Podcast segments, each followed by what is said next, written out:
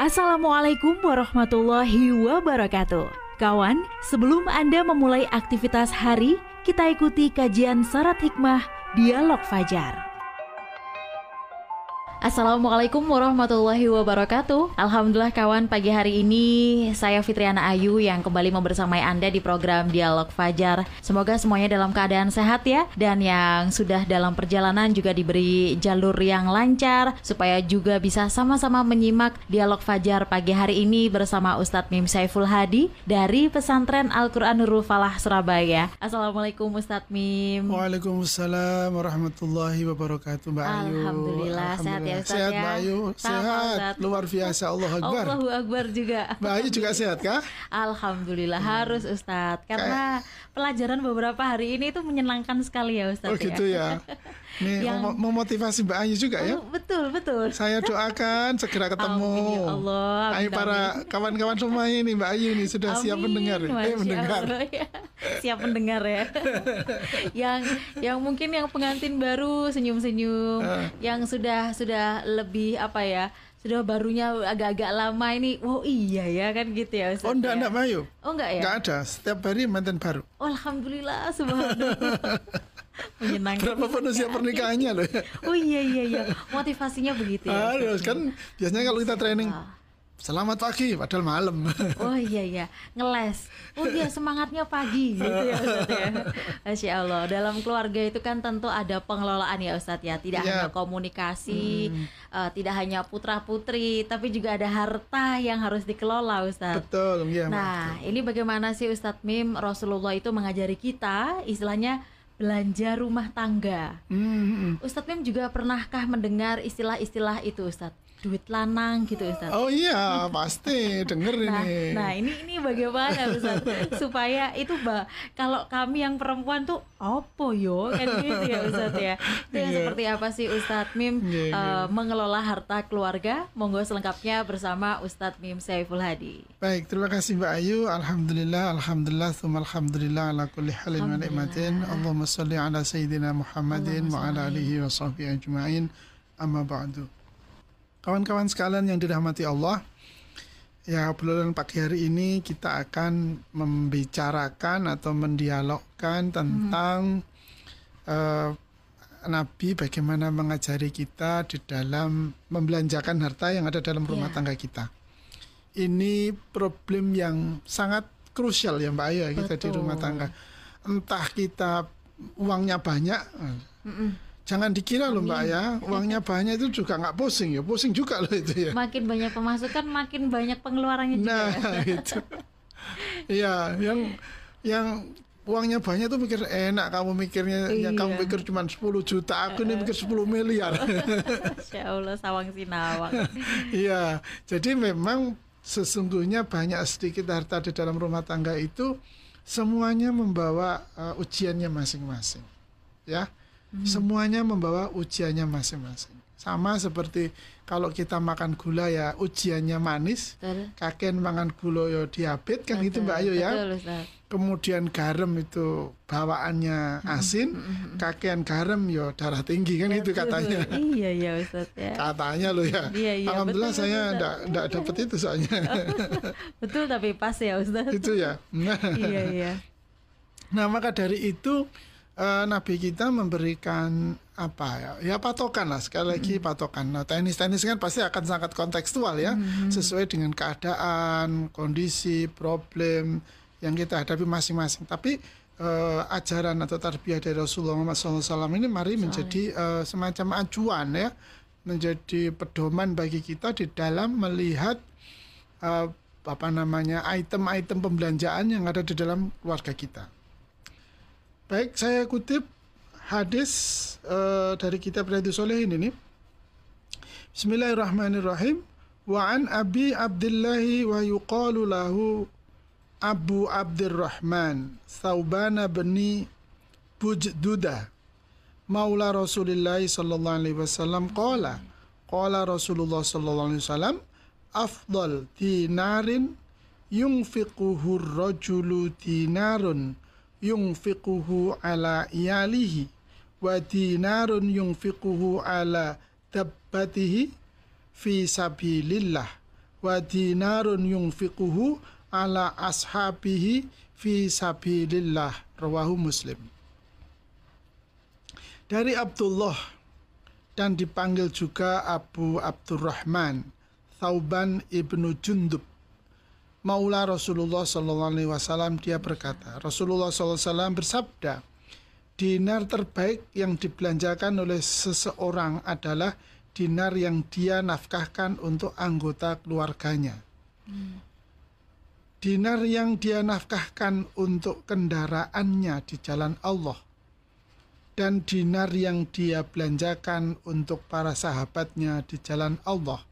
Hadis riwayat Muslim. Hmm. Kalau kita lihat, Mbak Ayu, ada tiga klasifikasi mm atau tiga kelompok untuk uh, ke mana belanja kita ini kita tunaikan. mm Yang pertama adalah belanja untuk kebutuhan keluarga kita. Ini yang pertama. Jadi harta kita ini yang pertama prioritas untuk memastikan kebutuhan keluarga kita ini cukup. Ya, cukup. Jangan sampai keluarga kita ini naudzubillah menjadi beban bagi orang lain. Menjadi masalah bagi orang lain. Hmm. Lu apakah ada? Ada. Hmm. Kalau nggak ada, kenapa ini dijangan Rasulullah gitu kan? Yeah. Kan ada orang itu saking Boh, saking pelitnya entah atau saya tidak paham apa yang ada di dalam pikirannya itu. Hmm. Sudah kamu sana saja itu pamanmu itu kaya ikut pamanmu aja lo kan gitu. Hmm, iya iya. Nah itu tentu tidak baik. Atau sebaliknya atau demikian pula halnya juga istrinya suruh ngutang terus atau dia ini ngutang ke sana kemari gitu ya. Dan naudzubillah min dalik wis sekali berkali-kali lah kita eh, saya juga punya uh, apa kenalan dekat ini juga mm -hmm. kena beban apa jeratan pinjaman online ya Mbak Ayu ya. Itu ya Allah suaminya nggak tahu atau istrinya nggak tahu. Nah itu tiba-tiba ya. tiba-tiba uh, datang apa penagihnya itu pak debt kolektornya itu dengan ya biasa dengan teror atau dengan cara-cara yang sangat uh, apa namanya menteror ya dengan cara yang sangat tidak baik Kenapa itu? Karena ya apa namanya belanja pertamanya untuk mencukupi kebutuhan kebutuhan ya, yeah. mencukupi kebutuhan basic need-nya atau kebutuhan dasarnya keluarga itu tidak dicukupi dengan semestinya gitu ya. Mm. Kalau tidak ya akan ke mana-mana gitu, akan ke mana-mana, akan mm. ke mana-mana. Nah, kalau ya sebetulnya ini semua orang ini para suami misalnya mm. kan Ya sederhananya ini kalau saya bilang sama istri, jangan sekali-kali kamu pinjam kepada siapa pun tanpa minta izin kepada saya kan gitu hmm, iya. itu kan semacam peraturan ya yang harus betul. kita kita terapkan bersama-sama nanti kalau hmm. suami pinjam istri pinjam waduh terus jadi apa nah ini kan masalah yang pertama jadi uh, pembelanjaan item pertama prioritas pertama adalah untuk mencukupi kebutuhan anggota keluarga kita hmm. agar kebutuhan dasarnya terpenuhi dengan baik. Penyakitnya itu kalau sudah uh, lebih dari itu anggota keluarganya terus diajak bermewah-mewahan, nah, sudah masalah itu nanti. Ya. Sudah masalah.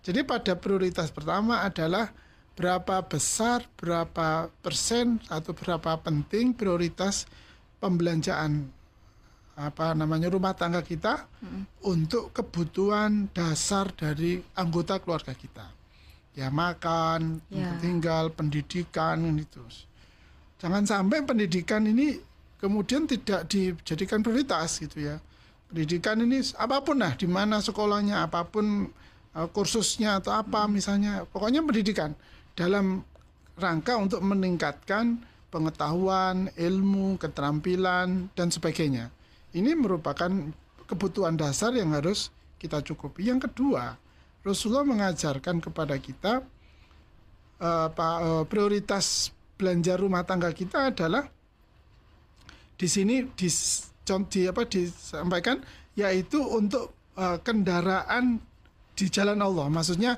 sega apa in, bahasa kita mungkin investasi untuk uh, ekonomi ya, Ya. untuk berjuang di jalan Allah.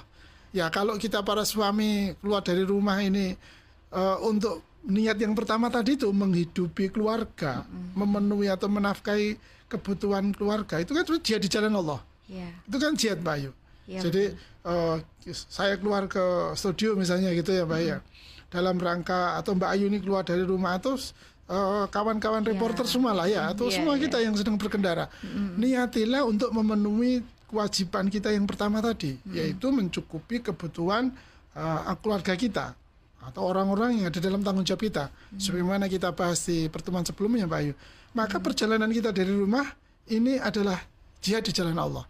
Lah, ketika kita di dalam menjalankan tugas jihad ini kan membutuhkan seperangkat investasi gitu ya.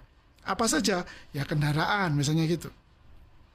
Atau apa saja yang membuat yang menjadikan tugas kewajiban kita untuk menafkahi keluarga ini sukses. Ini bagian dari eh, apa namanya perjuangan kita. Jadi pembelanjaan yang kedua adalah untuk eh, apa ke- memenuhi kebutuhan kesuksesan hidup kita dalam berjuang. Ini ya, jangan sampai misalnya eh, kita tidak tidak memiliki perhatian terhadap apa namanya alat usaha kita, alat bekerja kita, alat perjuangan kita, itu kan bahaya. Jadi kalau misalnya eh, eh, kendaraannya eh, tidak apa tidak baik atau tidak ya tidak baik tidak mesti maha- mahal atau baru ya mbak ya Ya. walaupun lama walaupun second tapi kalau baik dirawat dengan baik Oh, itu iya. ya itu kan menjadi ajaran Rasulullah. Jadi kalau misalnya ini ada kawan-kawan yang ojol misalnya gitu mbak Ayu ya apa kendaraannya? Sepeda motor. Ya tolong sepeda motornya dirawat. Gitu ya. Sehingga ketika oh, nanti mengangkut penumpang nyaman rasanya. Betul. suaranya halus gitu kan ya. Atau yang eh, ojek online yang pakai eh, mobil atau ya mobil roda empat misalnya gitu. ya tolong dirawat dibersihkan ya. Di dibuat harum itu ya. Ap- kan kapan itu ada berita ya? Ada ada seorang apa namanya pengemudi ojek online itu menyediakan minuman gratis. Masya Allah. Dia Iya, makanan-makanan makan kecil. gitu gratis. Kemudian di interiornya didesain rupa sehingga nyaman penumpangnya. Nah itu termasuk ajaran Nabi kita bahwa di dalam uh, perjuangan kita di jalan Allah ini maka segala perangkat segala alat yang memudahkan kita untuk mencapai kesuksesan dalam berjuang itu adalah prioritas yang kedua kenapa ya karena akibatnya kembali ke yang pertama kan Mbak Ayu ya Ya, kalau mobilnya butut, tidak pernah di apa di servis, kemudian tidak pernah dicuci, ya, terus bau gitu kan ya pasti kecewa kita. Iya. Nah, ketika kecewa kan doanya kan jelek gitu ya. Doanya jelek itu kalau di aplikasi dikasih bintang satu kan itu. iya, iya. Itu kan doa yang jelek itu. Iya, iya. Kan rugi juga kita. Maka dari itu kawan-kawan yang dirahmati oleh Allah ya sama. Misalnya saya eh, seorang pimpinan perusahaan kan juga memastikan semua mesin-mesin yang akan menjadi alat produksi saya harus dalam kondisi terbaik agar proses produksinya berjalan dengan baik, agar keselamatan para operatornya juga terjaga. Kalau nanti sampai terjadi konsleting, terjadi kebakaran, ledakan kan tentu akan sangat merugikan juga kepada eh, perusahaan dan pastinya kepada seluruh orang yang bekerja bersama kita. Yang ketiga adalah pembelanjaan diarahkan kepada sosial, kehidupan sosial, kumpul konco, kumpul konco, ya, bermasyarakat sosial. Nah, jangan sampai ini kan kebiasaan ini yang terjadi kan malah sebaliknya ini. Ya penting apa kalau kalau, kalau kepada kawan itu koyo sugi-sugi ya Mbak ya. Tapi ini kalau anak karo bujut itu setengah mati. Ya Allah. Jangan sampai kan itu. Tidak boleh itu. Ini urutannya Iya. seperti ini. Jadi kalau kepada teman untuk bersosialisasi itu tentu tidak boleh eh, mengalahkan, mengurangi prioritas yang pertama dan yang kedua. Pasti kita butuh bersosialisasi entah ngopi atau ke mana lah terserah lah untuk untuk membangun eh, relasi sosial kita. Tetapi biaya relasi sosial kita ini jangan sampai mengambil mengurangi apalagi terhadap jatah porsi budget yang disediakan untuk yang nomor satu dan yang nomor dua. Hmm. Kenapa? Ya kalau ini nanti kebalik ya kita senang di luar tapi susah di dalam kan itu ya. Betul. Nyaman di luar, gelisah di rumah kan gimana hidup ini? Mau ke mana kita? Sehingga tidak mendapatkan kebahagiaan. Maka dari itu kawan-kawan sekalian rahmatullah Allah inilah ajaran Nabi kita bagaimana kita menyusun, bagaimana kita eh, mendesain atau merancang kebutuhan pembelajaran rumah tangga kita. Jangan pernah dibolak-balik ya, karena ini akan menimbulkan apa ya disharmoni dalam apa cash flow-nya nggak cocok nanti.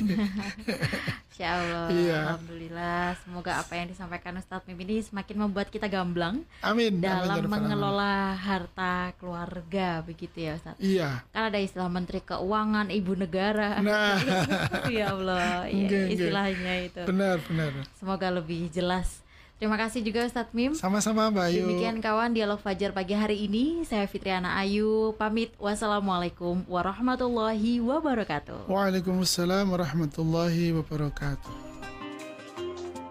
Program Dialog Fajar yang baru Anda simak kerjasama Suara Surabaya dan Pesantren Al-Quran Nurul Falah Surabaya, lembaga dakwah yang amanah, profesional, dan berbasis Al-Quran. Pesantren Nurul Falah mencetak guru-guru Al-Quran dengan metode tilawati dan tafidz Al-Quran. Informasi dan pemberian donasi hubungi 031 828 1278 atau nurulfalah.org.